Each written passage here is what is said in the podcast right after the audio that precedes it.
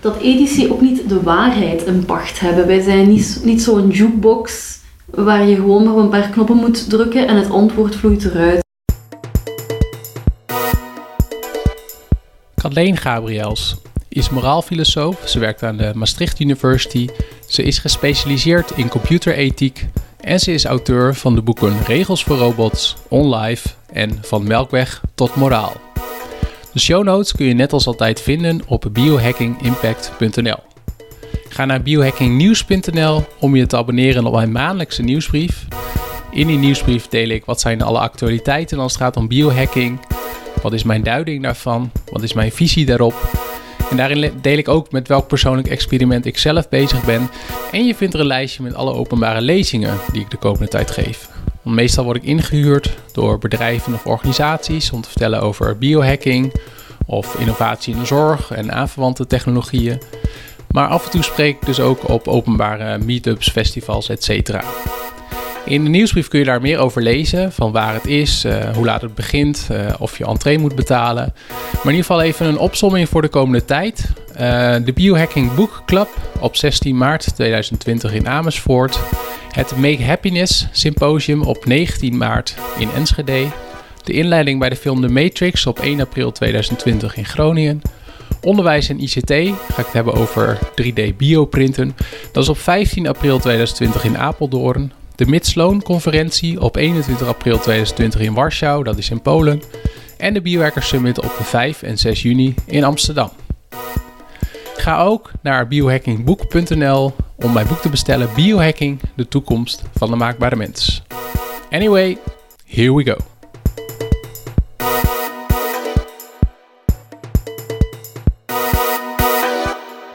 Kathleen, uh, hoe groot is de kans dat jou, het werk wat je nu doet, dat dat over tien jaar is vervangen door robots of kunstmatige intelligentie? Die kans acht ik uh, onwaarschijnlijk uh, als je die vraag in zijn totaliteit stelt. Omdat het werk dat ik doe, is ten eerste valt niet zomaar te meten. En één, dus de jobs die het makkelijkst te automatiseren zijn, zijn ook heel makkelijk te meten. Um, in mijn geval, geen twee dagen zijn hetzelfde. Ik, ga van onderwijs, onderwijsvoorbereidingen naar onderzoek. Um, maatschappelijke dienstverlening, zoals dat ook heet, uh, hoort er ook nog bij. Um, dus dat is allemaal niet zo gemakkelijk te meten. Het is ook creatief werk. Uh, komt ook een stuk emotionele intelligentie, sociale intelligentie bij. En als je zeker op de termijn van 10 jaar, dat is echt ongelooflijk kort. Dus ik ben helemaal niet bevreesd daarvoor. De banen die wel in aanmerking komen voor automatisering zijn makkelijk te monitoren, zijn heel repetitief, weinig creatief. Dus ja, uh, ik denk dat je nog het beste spreekt ook over stukjes van banen die wel te automatiseren zijn. Um, en waarschijnlijk zijn er in mijn, mijn job ook wel voorbeelden van zaken die makkelijker te automatiseren zijn dan andere.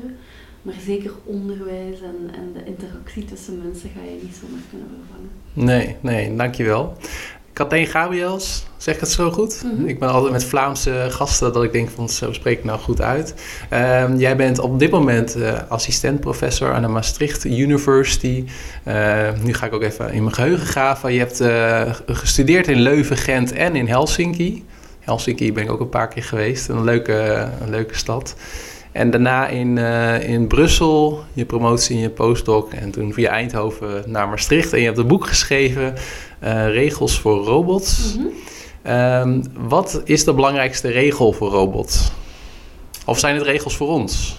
Wel, beide. Ja. Uh, ik, ik herken dat de titel in die zin misleidend is, omdat mensen misschien denken: dit boek gaat hier tien exhaustieve regels voor robots brengen en daarmee is het klaar. Wat zijn exhaustieve? Dus dat, uh, daar, dus dat het uitputtend is. Dat oh ja, een soort van de tien geboden of zo. Tien geboden en ja. daarna is er geen discussie meer. Dat klopt, dat klopt dus niet. Dus het boek is ultiem een pleidooi voor techniekethiek. En dan gaat het over regels die AI-systemen of KI-systemen, kunstmatige intelligentie, en robots moeten opvolgen, maar het gaat inderdaad ook over regels die de makers ervan moeten opvolgen. En dan heb ik het natuurlijk over ethiek. Ik heb het niet over wetgeving. Je ziet natuurlijk wel een heel sterke link daar, omdat heel veel wetgeving of heel veel wetten vloeien voort uit ethische dilemma's en ethische debatten. Um, dus, maar ik, ik, bespreek wel heel veel regels voor robots in het boek. Onder andere uh, een ethische code die er al bestaat voor zelfrijdend transport.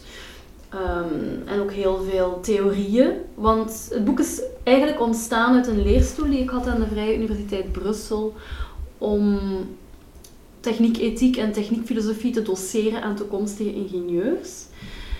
En ik ben eigenlijk gestart met die lessen, die hoorcolleges uit te schrijven. En ik heb dan nog meer voorbeelden en, en definities toegevoegd, zodat het boek eigenlijk voor iedereen toegankelijk is. En de reden ook waarom ik het voor iedereen of het brede geïnteresseerde publiek heb geschreven, is omdat je vandaag geen krant kunt openslaan of het gaat over artificiële intelligentie. En het debat verloopt moeizaam, omdat mensen niet altijd mee zijn met de stand van zaken. Dus ik wilde echt ook die stand van zaken uh, toelichten. En ik denk dat filosofie, en ik leg, dat ook uh, toe in het boek, dat filosofie er echt ook een bijdrage kan leveren. Dus enerzijds mensen helpen in kritisch denken, anderzijds in analytisch denken. Dat klinkt moeilijk, maar daar bedoel ik mee ja, eh, we zien dat er gesproken wordt over machine-intelligentie. Is dat dan hetzelfde als menselijke intelligentie? Of er wordt ook gesproken van machine-autonomie. Is dat dan hetzelfde als menselijke autonomie? En uh, filosofie, en zeker dan de ethiek als tak van de filosofie, kan ook helpen met de richtingen geven. Bijvoorbeeld uh, heel veel um, eh, heel vaak is er geen zwart-wit antwoord. Heel vaak is het antwoord niet duidelijk en moeten er afwegingen gemaakt worden. Een goede, een goede illustratie daarvan is um, de afweging die ingenieurs moeten maken tussen persoonlijke privacy en publieke veiligheid. Hoe ga je dat doen? En daar kan de ethiek natuurlijk echt een toolkit, een handvaten aanreiken. Het is ook zeker zo, en dat wil ik zeker ook wel heel graag onderstrepen, dat ethici ook niet de waarheid in pacht hebben. Wij zijn niet, niet zo'n jukebox waar je gewoon maar een paar knoppen moet drukken en het antwoord vloeit eruit. Omdat heel vaak gaat het om ja, contextafhankelijke beslissingen. Moraliteit is contextafhankelijk, dat benadruk ik ook altijd.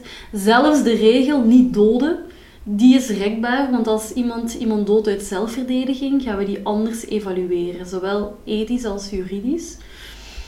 Um, maar het gaat meer om een, ja, eigenlijk een appel, een oproep voor meer samenwerking, meer interdisciplinariteit. Dus uh, filosofen hebben een expertise, ingenieurs hebben een expertise.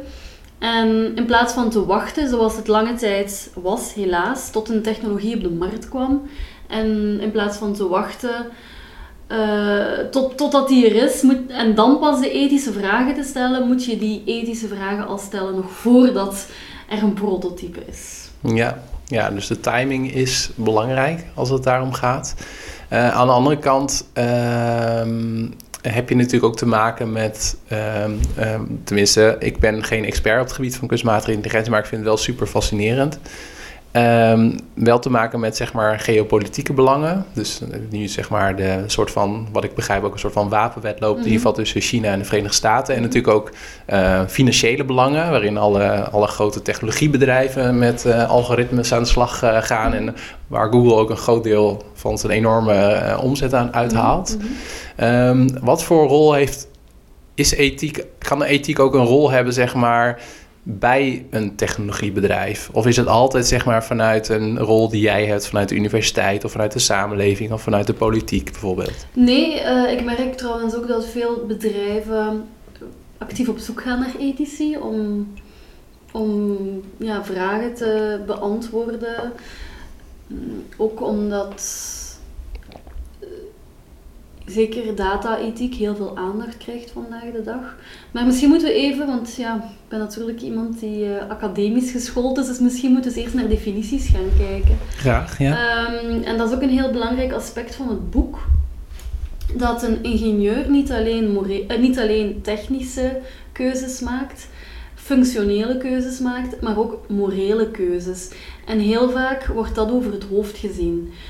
Dus normaal gezien, tenzij je in een ruimte vol psychopaten zit, heb je te maken met morele wezens. Wij, ja, we zijn allemaal een product van evolutie.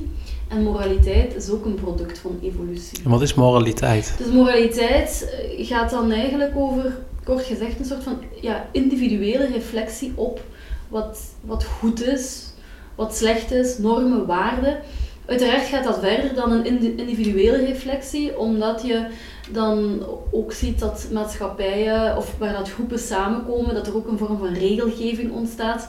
Daarom nog niet noodzakelijk een wetgeving, maar gewoon een basisregelgeving van hoe dat mensen met elkaar omgaan.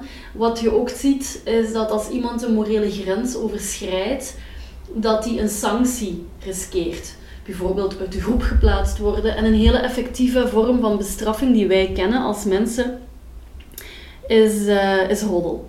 Dus als hmm. iemand een grens overschrijdt, dan uh, zal er geroddeld worden over die persoon. En gaan andere mensen zeggen van, kijk uit voor die persoon. Roddels als een waarschuwingsmechanisme.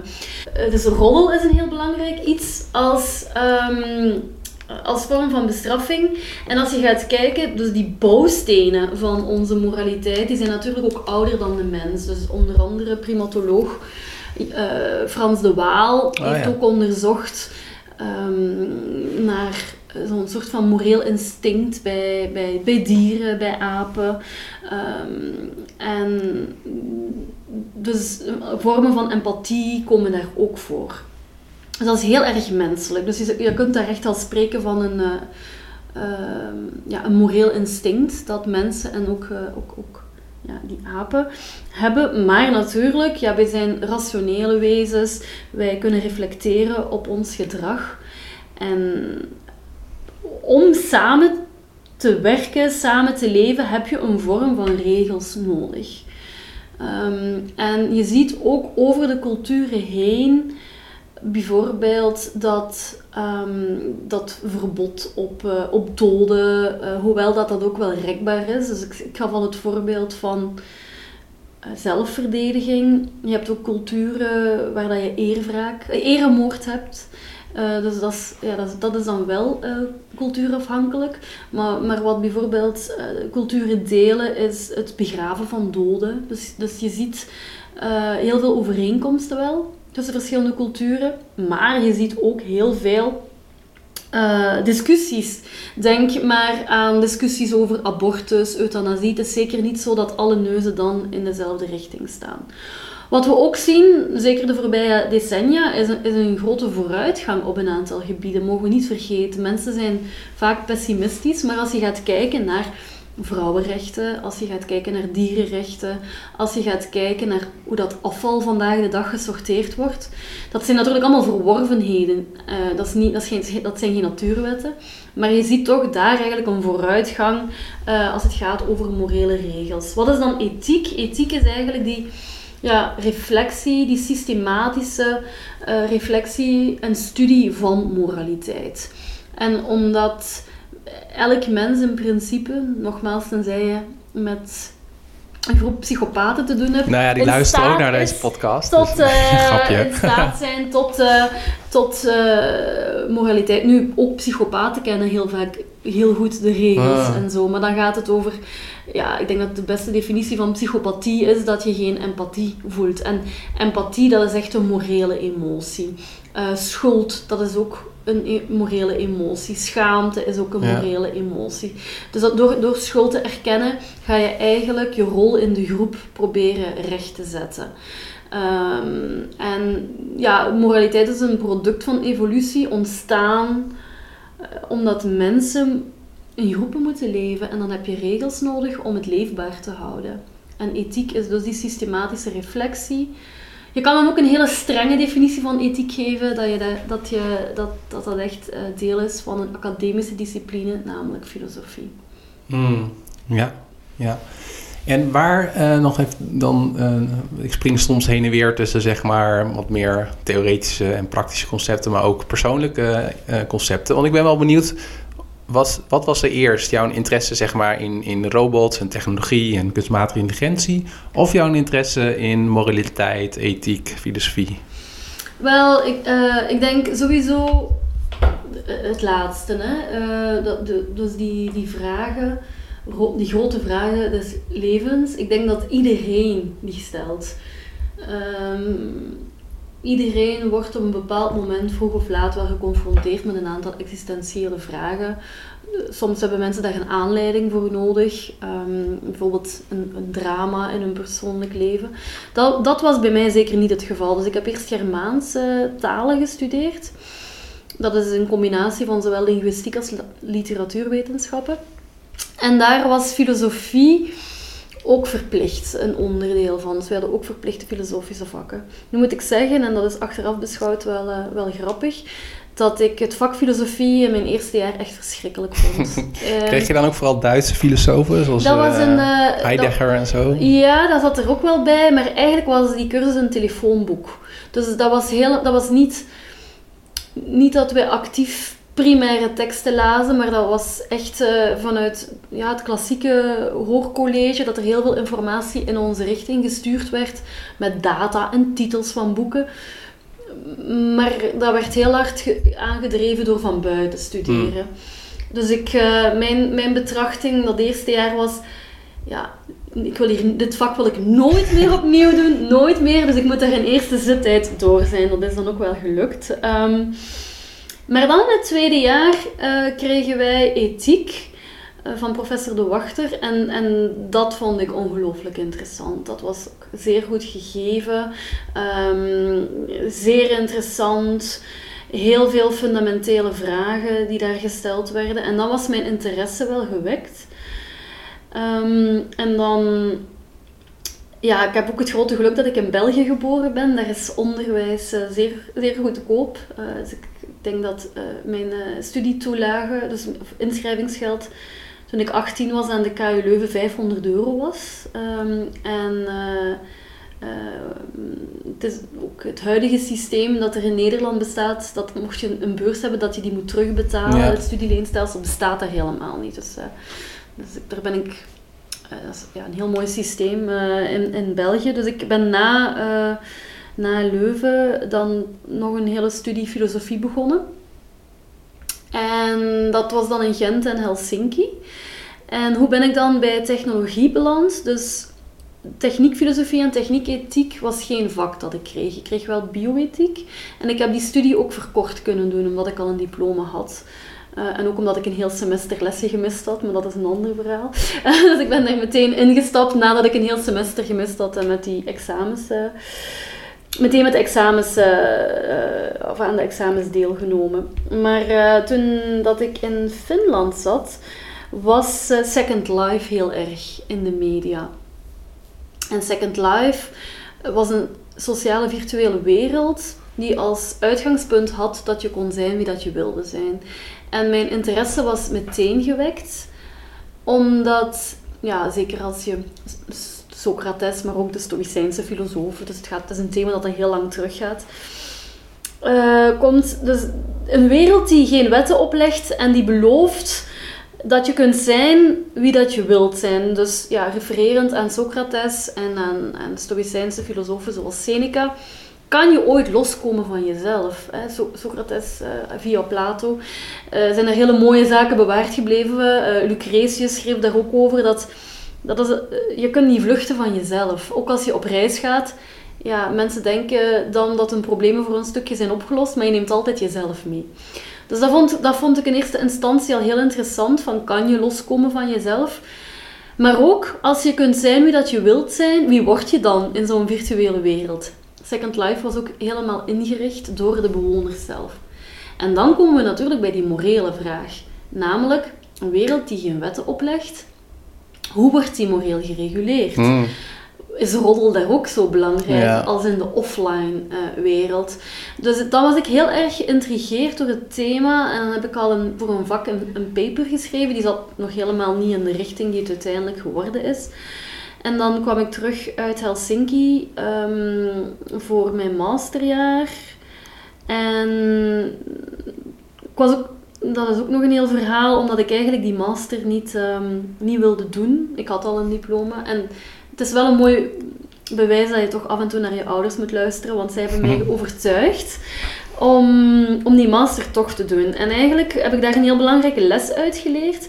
Namelijk, ehm, ik heb toen echt gekeken naar maar wat, vind, wat, wat vind ik nu het meest interessante. Wel, welk thema vind ik nu het meest interessante voor mijn masterthesis, los van die hele opleiding.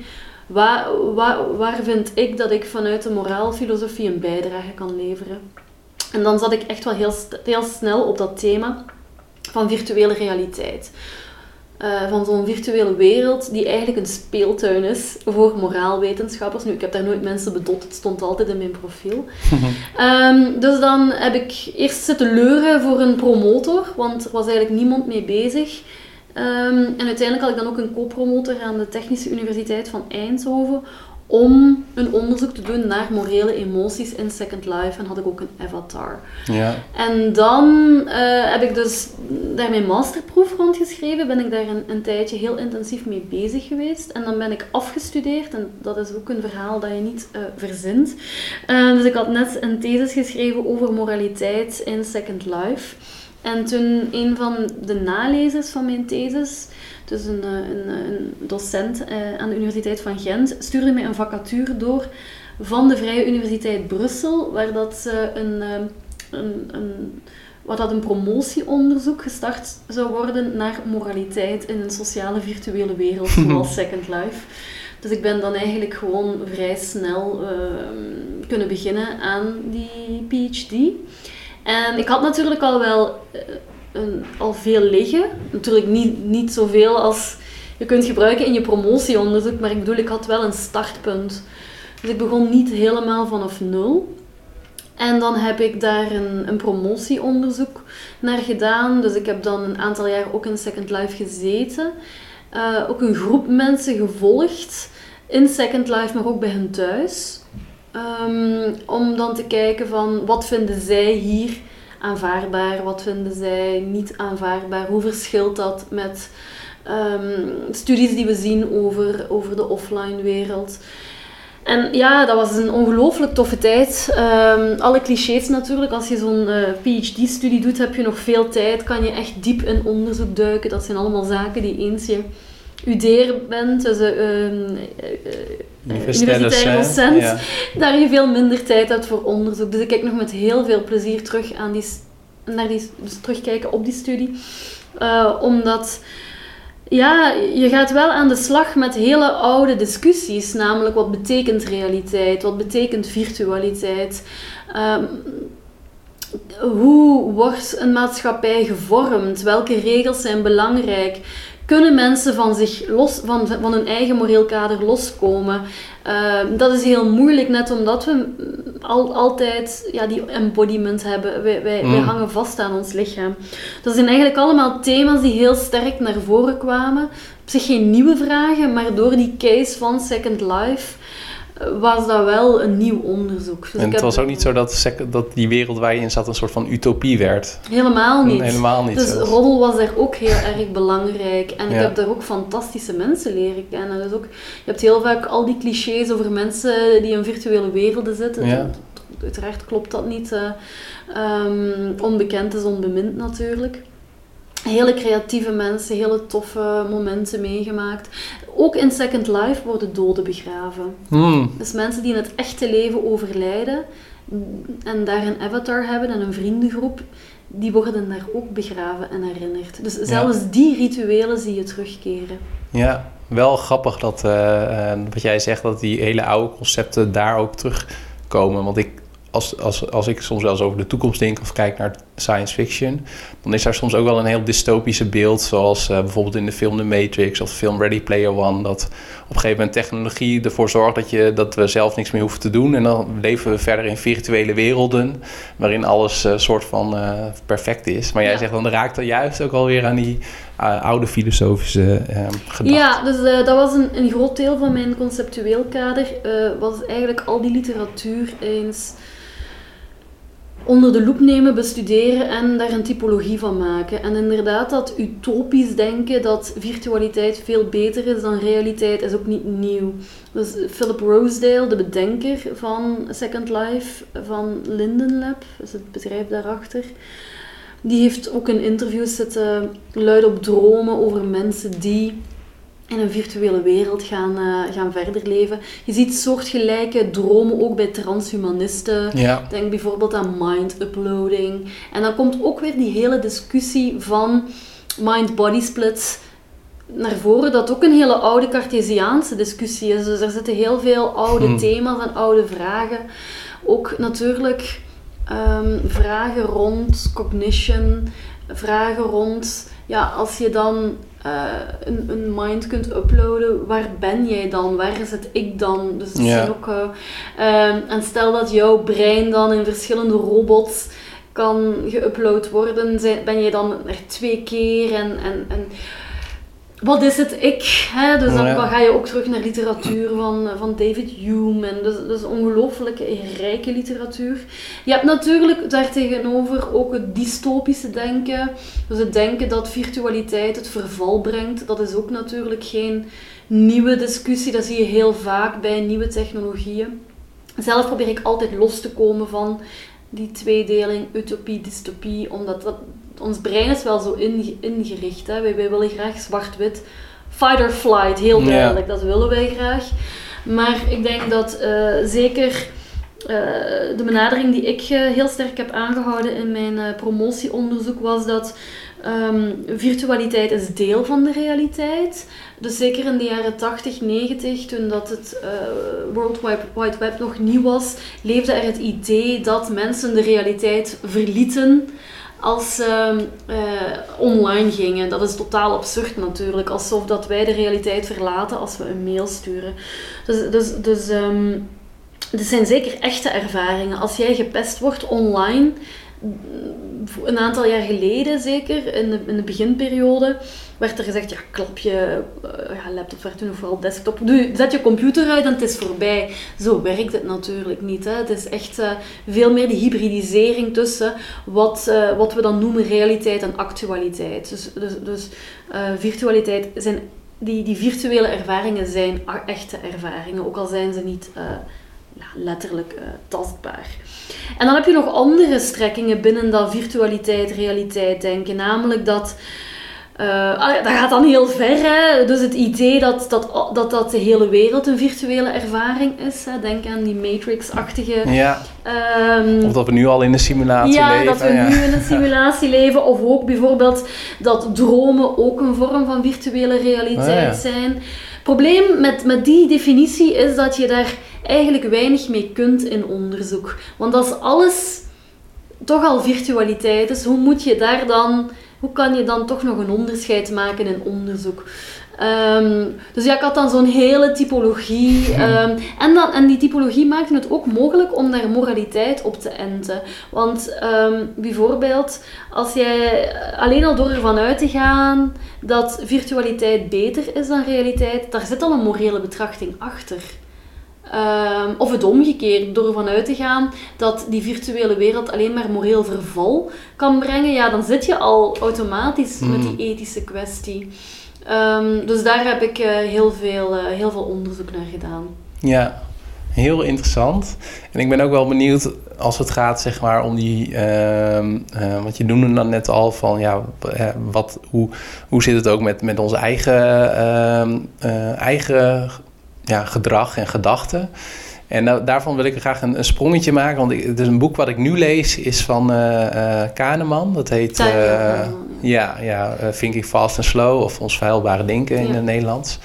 En wat ik heel erg fascinerend vind, is dat wij als mens uh, hè, zijn we evolutionair ontwikkeld door uh, onze intuïtie vaak, zeker vroeger heel erg handig was, maar tegenwoordig soms wel eens uh, verkeerd is. Hè. Systeem 1 en systeem 2. Systeem 1, ja, noem het ook het onderbuikgevoel. En is dat iets, iets waar um, ja, kunstmatige intelligentie ons als mens helpt? Want aan de andere kant, uh, we nemen dit op in, in Maastricht en ik heb gewoon uh, mijn Google Maps gebruikt om hier te komen. Waaronder, waaronder ook zeg maar een vorm van kunstmatige intelligentie zit. Dus het, je zou ook kunnen zeggen dat het mij als mens uh, niet helpt, dat het mij een soort van dommer maakt. Of ja, Wel, dat is een hele moeilijke discussie. Dat is echt een hele moeilijke discussie. Omdat als je dan gaat kijken van ja, wat doet uh, kunstmatige intelligentie met ons brein? Wel, als jij koffie drinkt, heb je ook een reactie in je brein. Dus, dus bijna al onze ervaringen doen iets met ons brein. Ik denk wat daar als we dan over ethiek hebben, wat er uh, een van de meest prangende discussies daar is, distraction by design. Uh, en daar alludeerde je ook een beetje op, omdat distraction by design heel erg inspeelt op ons systeem 1 denken, op onze morele zwaktes, op onze intuïtie. Dus wij gebruiken heel veel platformen gratis. Denk aan Facebook, denk aan Google, heel veel apps gratis. Maar wij betalen niet alleen met onze data, maar ook met onze tijd en aandacht. En distraction by design uh, moet je echt bijna letterlijk zien. Dus een groep mensen rond de tafel die nadenken over hoe kunnen we ervoor zorgen dat mensen langer op ons profiel blijven hangen. En daar zie je wel heel sterk die link met het systeem 1 denken. Dus dan gaat het over allemaal van die trucjes. Dat notifications op Facebook in het rood worden aangegeven. Dat je eindeloos kunt scrollen op je tijdslijn. Dat YouTube autoplay heeft. Um, YouTube is deel van Google, dus ze, hebben heel, ze kunnen heel diepgaand analyseren wat jij als individu belangrijk vindt. Dat is ook een heel interessante anekdote. Dus in 2016, als ik me niet vergis, in maart 2016, is uh, Lee Sedol, de ja, werelds bekendste Go-player. Go oh, is een complex uh, Chinees bordspel verslagen door AlphaGo. Dus een, uh, een algoritme van, um, van Google DeepMind. Um, en daarna heeft Google AlphaGo ingezet bij YouTube. Om ervoor te zorgen dat uh, de, um, ja, het recommender system, dus dat, dat, dat het systeem beter wordt in de juiste video's aanraden bij de juiste mensen. Ja. Natuurlijk voor zo'n algoritme en deep learning maakt het niet uit of ze moeten ja, op een heel diep niveau leren beter uh, analyses en self-play van Go doen of dat ze dat ook kunnen gebruiken om te grasduinen en data, om uh, persoonlijker uh, dienstverlening, zoals dat dan heet, uh, aan mensen op YouTube te geven. Um, dus, dus, dus, dus die recommender ehm, features van YouTube zijn ook beter geworden door AlphaGo. Dus je kunt dan wel het innovatieve technologische karakter daar daarover loven. Nadeel daarvan gaat dan ook weer over distraction by design. Ja. Uh, addiction by design, dat is uh, ook een, um, een strekking. Daar, dan moet je bijvoorbeeld denken aan uh, ja, de slot machines in, in Las Vegas. Hè. Die zijn er ook, dat is ook, wordt ook altijd heel goed bestudeerd. Dus gamers, nee, geen gamers, gokkers, gokkers worden heel nauwgezet in de gaten gehouden. het, dus het zintuigelijke is ook heel belangrijk, van zitten de zetels goed. Um, daar zie je ook heel sterk de linken met de evoluties of de, de doorbraken in het internet. Dus van het moment dat er mobiel internet is, kunnen, kunnen gokkers ook bijvoorbeeld als ze gaan, gaan, gaan eten in de, in de wachtrij voor het buffet voortdurend blijven spelen. Mm. Um, dankzij IoT, Internet of Things, kunnen gokmachines ook aan elkaar gekoppeld worden en kan je, zeker met digitale klantenkaarten, veel gerichter gaan kijken hoe, om iemand verslaafd te maken. Dus daar zit een heel model achter en dat kun je heel sterk koppelen aan intuïtie en mentale zwaktes. En dan zit je natuurlijk in het ethische debat. Um, er is een heel mooi boek, Addiction by Design. Um, en ook nog even, ja, bijvoorbeeld mijn studenten uh, spreken ook vaak van. Oh, sorry. Um, mijn studenten spreken ook heel vaak van uh, Facebook als een slot machine in ah, ja. maar, um, dus die Addiction by Design, die, daar die onderzoekster heeft ook gesproken met makers van die gokmachines. En dan zie je ook ja, wat wij dan noemen mechanismen van moral disengagement. Dus ze gaan zich zo proberen af te scheiden of af te schermen van een morele verantwoordelijkheid. Dus dan zeggen ze onder andere, ja, maar uiteindelijk die verslaving zit toch niet in de machine, die hmm. verslaving zit in het brein van mensen. Ja. Natuurlijk, als een hele machine is ontwikkeld om mensen eraan, ja, verslaafd, nu verslaving is altijd een lastig woord, om, om mensen eraan te binden, dan, dan, dan moet je ethische vragen stellen, omdat verslaving kan mensen hun leven en hun gezinsleven ruïneren.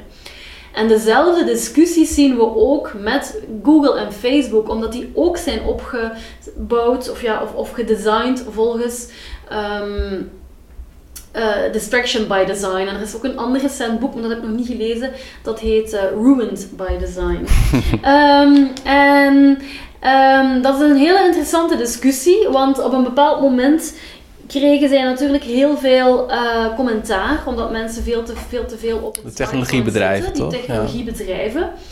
En hoe hebben ze dan dat probleem proberen op te lossen? En dan zie je ook, allez, daar kan je heel veel kritiek op geven. Dan zie je ook dat ze eigenlijk een technologische oplossing gaan geven voor een probleem dat structureel is. Je moet, je moet die distraction by design aanpakken. Wat doen zij? Zij geven een schermtijdmeter. Ja. Dus ze gaan een technologische oplossing geven, hele individuele oplossing, aan mensen die gevolgd worden intensief wiens data geanalyseerd worden om hen zo lang mogelijk op een platform te houden. Dat is het hele businessmodel. Dat, dat, die problematiek ga je met een schermtijdmeter niet oplossen. Nee, nee, en het raakt ook inderdaad aan de wilskracht. Want op een persoonlijke noot, ik doe ook nu één keer per week social media. Dat ik ook echt dan ook Instagram installeer op, op vrijdag. Nou, dat is toevallig vrijdag. En, want ik, ik, ik merk gewoon, als ik dat niet doe, dan, dan ben ik ook gewoon uh, hooked, uh, addicted, of hoe je dat ook wil noemen. En dat brengt me ook wel, dat is wel een mooi bruggetje, want je hebt ook meegewerkt aan een nationale AI-strategie uh, van Nederland. Dus ik weet niet hoe ze daar in België op hebben gereageerd. Nee, een grapje. maar hè, dus als het gaat om, dus ik vroeg me wel af, raakt zo'n strategie, want ik ken hem verder niet, ook aan, aan dit soort vragen? En de, een soort van tweede vraag is van, hebben we überhaupt als land zo'n strategie nodig? Want je zou kunnen zeggen, joh, dat ligt gewoon bij bedrijven en bij onderzoeksinstellingen. Wel ja, nee, die, op die laatste vraag, uiteraard heeft een land dat nodig, want het is uh, de minister van Onderwijs die het geld geeft aan de universiteiten. Hmm. En het zijn de belastingbetalers. Uh, die daaraan bijdragen. Dus ik, ik ben uh, absoluut een academicus die ook die maatschappelijke rol wilt opnemen. We worden betaald door de belastingbetaler, dus het is ook belangrijk om ja, die, dat maatschappelijk debat mee te voeren. Nu begrijp ik ook wel dat het iets makkelijker is met de thema's waar ik mee bezig ben dan als je bijvoorbeeld met snaartheorie in de fysica bezig bent. Dus uh, dat is inderdaad wel een uitzondering. Um, wel ja, dus die, die echte discussies over die AI-strategie in de Tweede Kamer moeten nog uh, opge... Zeg je dat? Uh, op opgepakt worden. Ja. Um, maar in elk geval, ik was gevraagd uh, voor het thema mens en ethiek. En wat ik tot nu toe verteld heb, ook over distraction by design, uh, ook over die ethische vragen die op voorhand gesteld moeten worden, over die samenwerking, dat heb ik allemaal uh, in mijn uh, paper geschreven. Het is natuurlijk nu aan het kabinet, ehm, aan die werkgroepen ook, om daarmee aan de slag te gaan. En hoe dat verder gaat evolueren, dat kan ik niet inschatten. Um, wel, ja, tuurlijk, je kunt die AI-strategieën allemaal gaan bekritiseren. Uh, er is een, de, het Future of Life Instituut heeft, die, heeft ook een website waarop ze die AI-strategieën bij elkaar brengen. En dat is, is dat de uh, initiatief van, uh, ik heb zijn boek gelezen, Techmark? Of is dat onder niet? Andere, ja. zit onder andere ook bij dat Future of Life Instituut. Ja. Maar daar zitten er heel veel, Elon Musk ah. is er ook bij betrokken. Ja. Um, maar dus daar heb je een overzichtspagina, ook vanuit organisaties. Dus ook bijvoorbeeld uh, de EU heeft ook een AI-strategie. Uh, voor haar uh, lidstaten. Uh, maar als je dan gaat grasduinen in die AI-strategieën, dan begin je wel te merken dat die heel erg inwisselbaar zijn en ook niet realistisch, want elk land wil leading zijn. Toch vind ik het heel belangrijk um, dat, ik, dat, dat, um, dat die AI-strategieën er zijn, omdat die mensen ook dwingen om uitdagingen diepgaand te bevragen op voorhand. Je, mag, moet natuurlijk vermijden dat dat een waardeloos document wordt vol marketing uh, bullshit, uh, waarin dat mensen wel gaan allerlei hippe Engelse termen gaan gebruiken. Want er gebeurt ook wel veel rondom dit domein, hè? Ja, dus ik ben daar altijd wel wat kritisch. Dus je moet wel altijd zien dat er ook inhoud is. Je moet nooit vanuit de vorm vertrekken, maar wel vanuit de inhoud. Um, en, maar, maar, maar het hele concrete voorbeeld is dat daardoor ook een, um, een, een kabinet van onderwijs beter kan anticiperen. Want elke vorm van innovatie ontstaat normaal gezien uit fundamenteel onderzoek.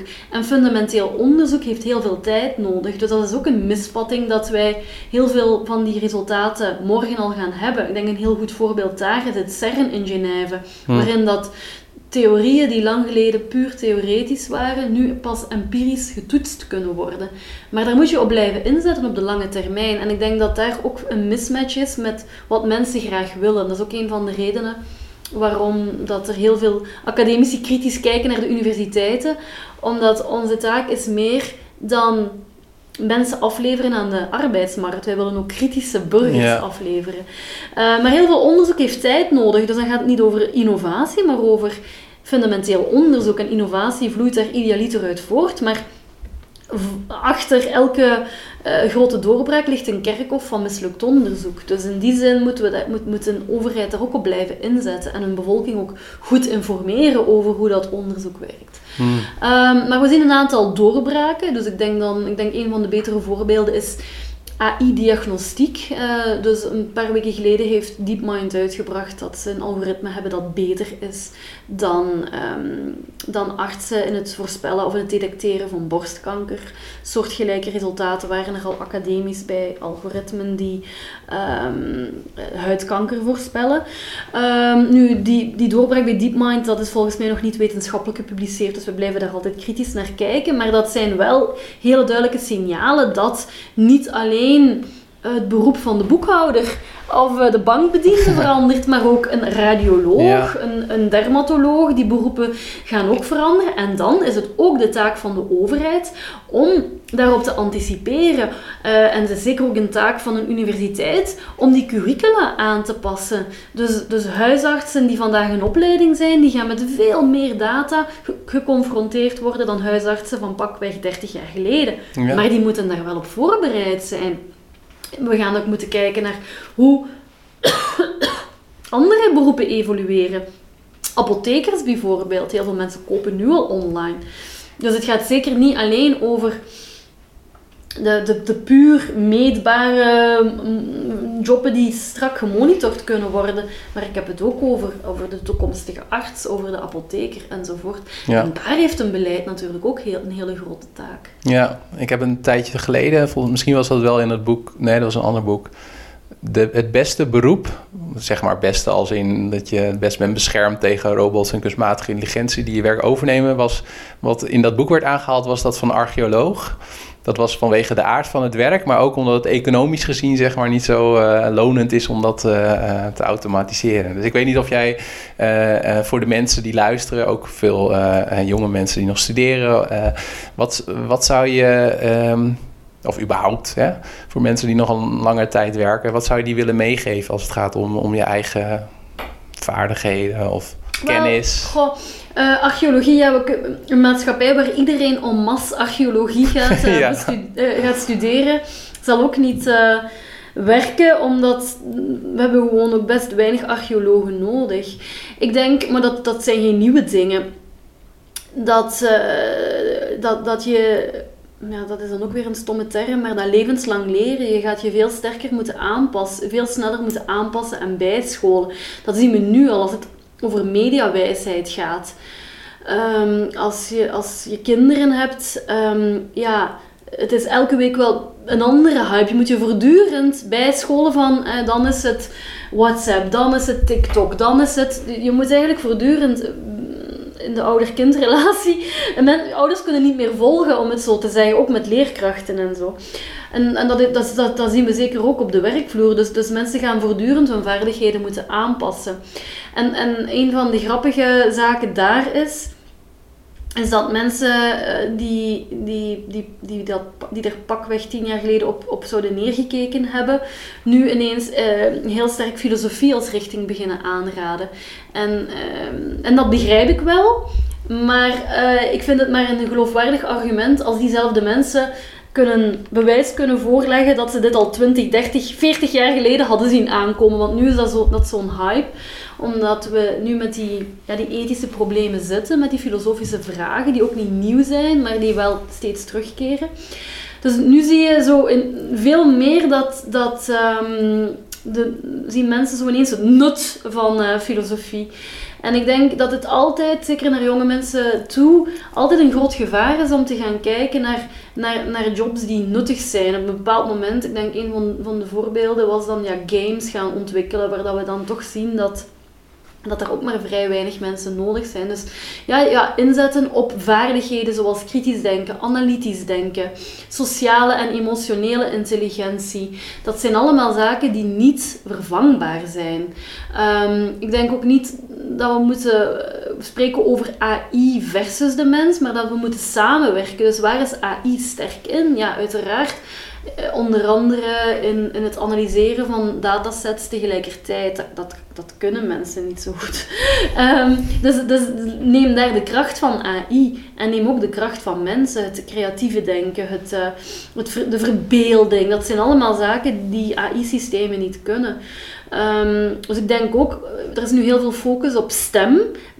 Dus, um, Stemanalyses, dat soort dingen. Ja, dat gaat over science, technology, engineering en oh, mathematics. Ja. Uh, dus stemonderwijs, maar dat kan ook niet zonder filosofie. Hmm. Um, dus in die zin uh, zit ik vreemd genoeg. Dus de studies die ik in de tijd heb gekozen, puur naar de arbeidsmarkt toe, uh, waren dat hele slechte keuzes. Ik heb geluk gehad dat mijn ouders zich daar ook weinig van hebben aangetrokken.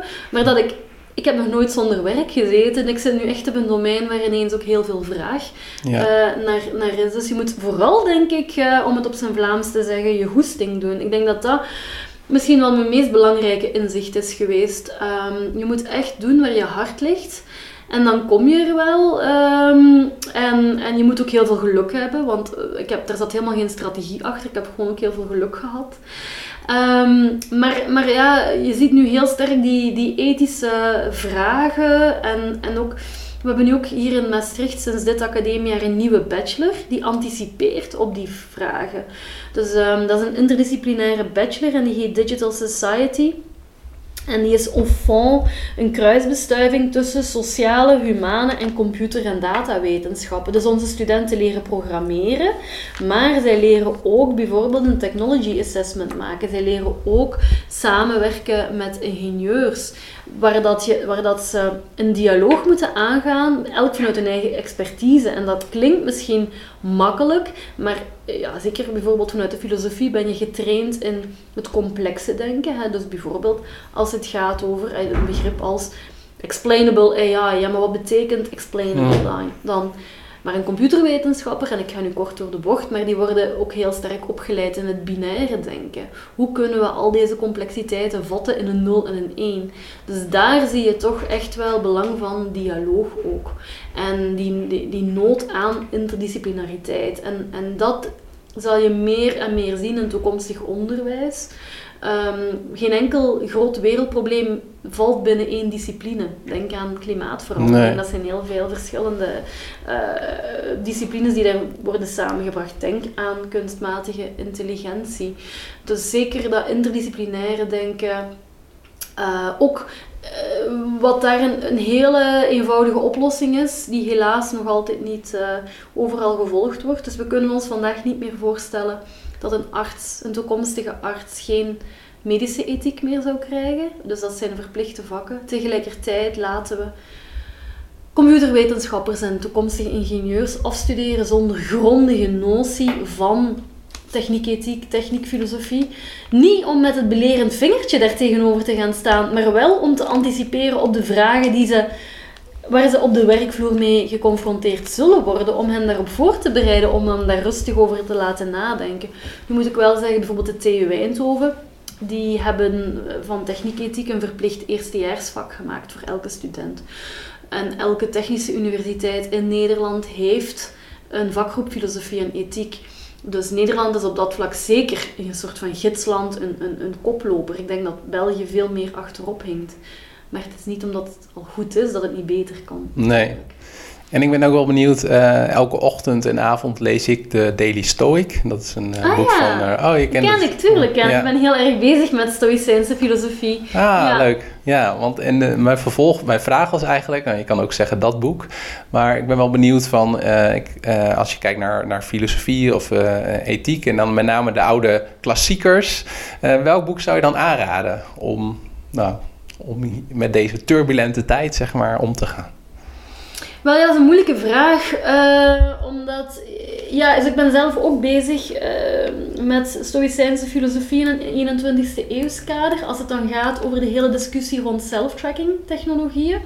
Die nog altijd heel erg kwantitatief zijn. Dus ik heb samen met een Amerikaanse collega daar ook een paper over geschreven. En we zijn nog volop bezig met verder onderzoek. Dus heel vaak gaat dat over hoeveel stappen heb je gezet, hoeveel calorieën heb je verbruikt, maar dan gaat het over het kwantitatieve. Nu, een stoïcijn zal het belang van een, van een eh, lichaam en lichaamsbeweging nooit, nooit onderschatten, maar lichaam en geest horen samen te gaan natuurlijk. Hè. Dus je ziet ook binnen de stoïcijnse filosofie het belang van wandelen. Hè. Ehm, maar wij zijn eens gaan kijken meer naar, want die bestaan ook al, eh, dus apps die de Stoïcijnse filosofie eren op een minder kwantitatieve manier. Dus dan gaat het over um, vat krijgen op je, of controle krijgen op je gedachten. Want uh, dat is een hele rationele filosofie. Het is zeker uh, ook dat die filosofie heel vaak verkeerd begrepen wordt. Want als het dan gaat over het begrip uh, ja, apathisch zijn, apathie, um, dan betekent het niet dat je afstand moet doen van jouw emoties, maar wel controle moet hebben over jouw emoties en in specifieke omstandigheden op de juiste manier emotioneel, emotioneel moet reageren op emoties. En um, we zien ook binnen eh, CBT, dus Cognitive Behavioral Therapy, dat er gebruik wordt gemaakt van uh, stoïcijnse filosofie. Dus dan gaat het ook over het opschrijven van gedachten, je daarin trainen.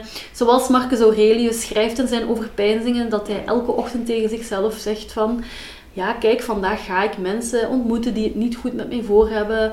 Uh, of zoals Epictetus heel veel belang hechten aan, en dat vind ik ook heel belangrijk, en daar, daar, daar heeft elk mens vandaag ook uh, belang bij, is de, de tweedeling tussen wat ligt binnen mijn controle en wat ligt buiten mijn controle. En heel veel zaken die overkomen jou, maar waar je wel controle over hebt, is hoe dat jij erop reageert.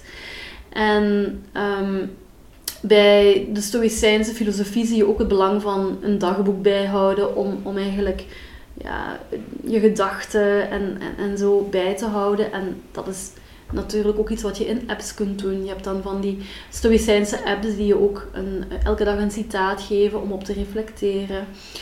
En je ziet daar ook, eh, want dat lezen we al bij Seneca, daarom dat ik Seneca ook zo eh, interessant vind in een, in een hedendaags tijdskader.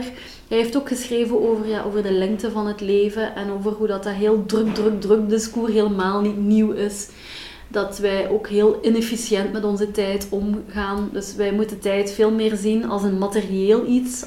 We moeten veel minder snel ja zeggen op iets. We moeten meer uh, denken, oké, van onze tijd hier is beperkt. Hoe, hoe richt ik die zo goed mogelijk in? En zo, ja, efficiënt, dat is natuurlijk ook een molenwoord waar ik eigenlijk mhm. graag van weg blijf. Um, maar dan gaat het echt op mensen op individueel niveau. En ik denk dat je daar heel sterk wel de link kunt zien met distraction by design ook. Hè? Dus je ziet dat mensen in tijdnood komen omdat ze zoveel worden afgeleid. En dan denk ik dat Seneca en over ja, wat hij schreef over de kortheid of de lengte van het leven heel relevant zijn. Als het gaat over ja, kunstmatige intelligentie, dan heb je natuurlijk betere werken. Dan zou ik echt meer gaan kijken naar bijvoorbeeld ehm, het boek van Norbert Wiener, The, Human Use of Human Beings. Heel veel van die vragen, uitdagingen van vandaag, die zijn ook niet nieuw. In de jaren 40, nog voor de term artificiële intelligentie bestond, uh, was Norbert Wiener daar al mee bezig. Hij was ook een, ja, een, prodigy, hij was zeer intelligent. Ik geloof dat hij 19 was toen hij zijn PhD behaalde. Ik denk aan MIT of Harvard. Um, maar de Human Use of Human Beings maakt hij eigenlijk, en dat, schrijf ik ook in regels voor robots, want mensen hebben vaak die, die, die denken dat, dat uh, uh, dat dingen nieuw zijn. Maar, maar bijvoorbeeld die focus die de Europese Commissie heel sterk legt op human-centered AI, zien we al bij Norbert Wiener in de Human Use of Human Beings. Dus hij gaat ook heel sterk kijken van welke concepten zijn belangrijk voor een maatschappij als die moet omgaan met van die intelligente systemen. En dan gaat het ook over rechtvaardigheid. Dus eigenlijk in een boek van, uh, ik, ik denk dat dus de voorlopers ervan zijn van de jaren 40, ik denk dat het boek zelf van 1950 is. Um, ook dat is natuurlijk niet uit de lucht komen vallen. We waren na, net na de Tweede Wereldoorlog, de atoombom was gevallen, of twee atoombommen zijn gevallen. Dus, dus de aandacht voor de verantwoordelijkheid van een ingenieur in, ingebed in een maatschappelijk kader was toen al heel hoog. Het nadeel is dat er veel te weinig naar geluisterd is. Heel veel van die zaken zijn al aangekaart, maar er is niet naar geluisterd. Er is heel veel, ehm, veel, ja, veel meer aandacht naar bedrijven gegaan, bijvoorbeeld, maar minder naar wat die denkers toen al zeiden. In 1985 en ook al in de jaren 70 uh, zijn er belangrijke werken gepubliceerd over al de problemen waar we vandaag maatschappelijk mee kampen op het vlak van privacy en surveillance. Maar ook daar weer, ja, dat, dat, dat, dat probleem moet, komt natuurlijk van op verschillende niveaus. Daar kan je academici en verwijten, en voor een stuk klopt dat ook wel, dat ze veel te weinig geïnvesteerd hebben in het maatschappelijke debat. Dus daarom vind ik ook dat er veel meer erkenning moet komen daarvoor. Want ja, eh, er wordt heel sterk gehamerd op academische publicaties, maar mhm. eigenlijk veel te weinig op. Het wordt veel te weinig eh, nog erkend dat vanuit de universiteit dat maatschappelijk debat ook belangrijk is. En dat, um, dat, dat academici daar misschien ook veel meer tijd voor zouden moeten kunnen vrijmaken. Want uh, uiteraard, iedereen heeft maar 24 uur op een dag en moet ook nog behoorlijk wat slapen in die 24 uur. Maar tegelijkertijd kun je ook zeggen ja, wat we ook zien is dat een maatschappij helaas schandalen nodig heeft om een bepaalde thematiek op de kaart te hmm. zetten. En dat zien we nu bijvoorbeeld met Cambridge Analytica. Dus door die schandalen, ook bij Facebook, is er nu veel meer maatschappelijke aandacht. Ehm, en dan zie je ook weer, en dat is een frustratie van veel mensen binnen techniek, filosofie of computerethiek, die nu ineens gaan zeggen, we hebben, we hebben computerethiek nodig. Ja, maar computerethiek bestaat al best lang. Maar daar is maatschappelijk gewoon heel weinig aandacht aan besteed. Uh, dus wat we nu zien is dat er mensen denken dat vakken computerethiek nieuw zijn, maar dat is natuurlijk niet zo. Uh, alleen zie je nu dat, er wel, dat de nood eraan duidelijk is. Dus dat, dat is een beetje de ironie. Uh, dat wat is het nut van filosofie? En nu ineens zien ze het. Dat is zo totaal absurd.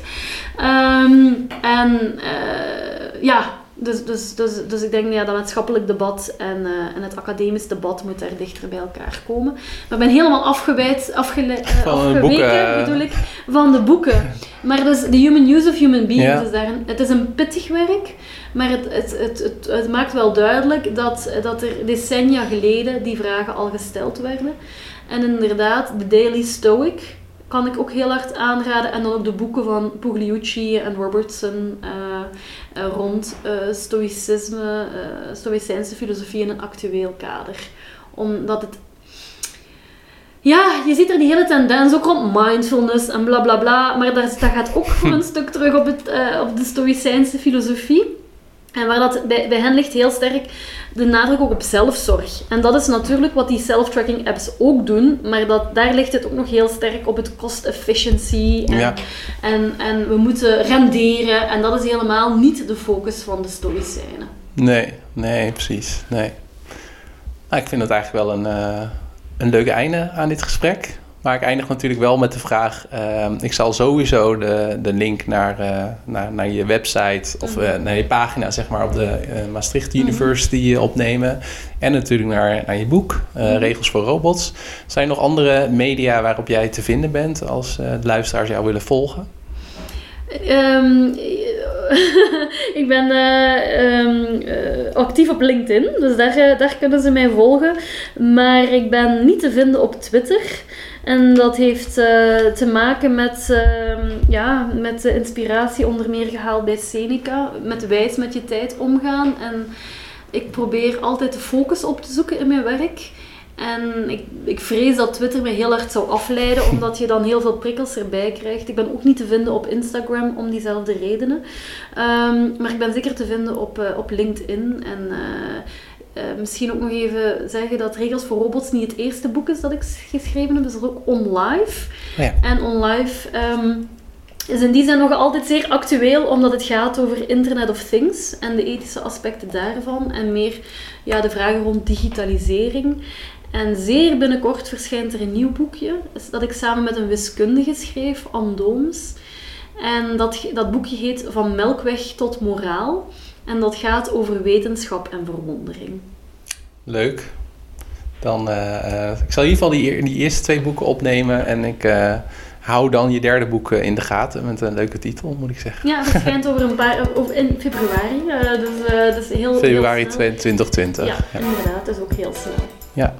Nou Kathleen, bedankt voor dit gesprek. Heel graag gedaan.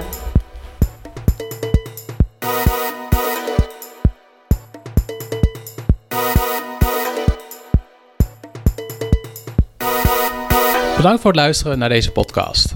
Ik eindig met nog drie dingen. Ten eerste, vergeet je niet te abonneren op mijn nieuwsbrief. Ga daarvoor naar biohackingnieuws.nl. En daarin deel ik elke maand alle actualiteiten als het gaat om biohacking, mijn duiding daarvan, mijn visie erop, met welk persoonlijk experiment ik zelf bezig ben en een lijst met alle openbare lezingen en presentaties die ik binnenkort geef.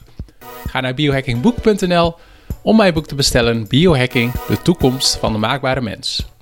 Tot slot is mijn vraag aan jou voor deze keer, gezien het gesprek met Kathleen. Wat voor morele keuzes uh, maak jij in je eigen werk? Als je programmeur bent, maar misschien doe je ook ander werk waar je af en toe ook voor dit soort keuzes staat. En heeft dit gesprek jou daar ergens mee geholpen, al is het maar dat je daar meer bewust van bent geworden? Dat is mijn vraag voor jou voor deze keer. En nogmaals bedankt voor het luisteren naar de Biohacking Impact podcast.